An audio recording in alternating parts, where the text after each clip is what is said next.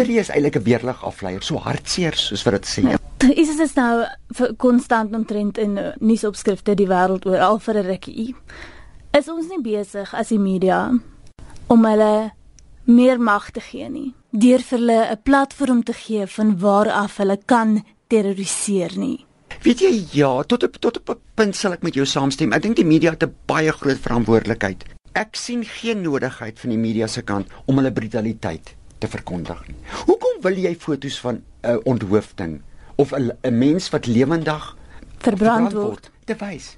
Wat belangrik is vir die media is om die feite van die situasie in Sirië en Irak te bly uitdra. Maar ek wil ek wil die punt verder vat wat in Europa vandag besig is om te gebeur. Hoe die regerings besig is om te reageer. Want ons sit met België, met Frankryk, ons sit met Duitsland. Soldate word oral uitgestuur. Dis 'n high state of emergency speel in die hand van ISIS. Dis wat ISIS wil hê. Kom ons saai paniek. Kom ons saai tweespalk. En oral waar waar daar on, onstabiliteit is en onsekerheid is, dit maak dit makliker vir 'n terreurgroep soos ISIS om in te beweeg, reg? Dis 100% ISIS is baie lief om verdeeldheid te skep en as daar 'n oomblik van verdeeldheid is, gaan hulle dit misbruik. Jy het gepraat van die tronke. ISIS ontstaan soos ek dit het, is dat daar was hierdie een tronk in Irak gewees, die Buka tronk onder die Amerikaners waar ISIS lede eintlik mekaar geradikaliseer het en dat dat dit is waar hulle ontstaan het en dat die deure van daai tronk oopgegooi is toe het ons ISIS. Is dit korrek?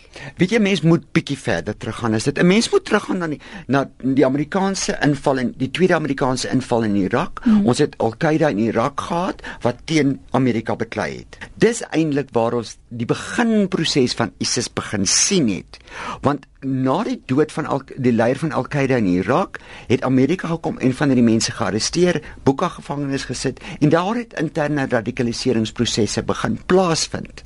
En nadat hierdie mense vrygelaat is, het ISIS dan as 'n organisasie homself aangekondig en baie sterker begin word. Onthou ISIS het homself in Sirië gaan vestig as Al-Qaeda in in Irak en met Jabhat al-Nusra begin kompeteer rondom wie moet leiding neem ten einde die die hele idee van jihadisme te vereenwoordig en dit is wat ISIS sy ontstaan te danke het en toe terugbeweeg het na Irak en dis waar momentum begin optel het. So die hele ISIS geskiedenis lê tussen Irak en Sirië wat verder teruggaan as Buka. In Buka is waar Baghdadi aangehou was, ironies genoeg. Mm -hmm. En dit is waar die mense onder mekaar begin gesels het. En Baghdadi was onbekend in Buka.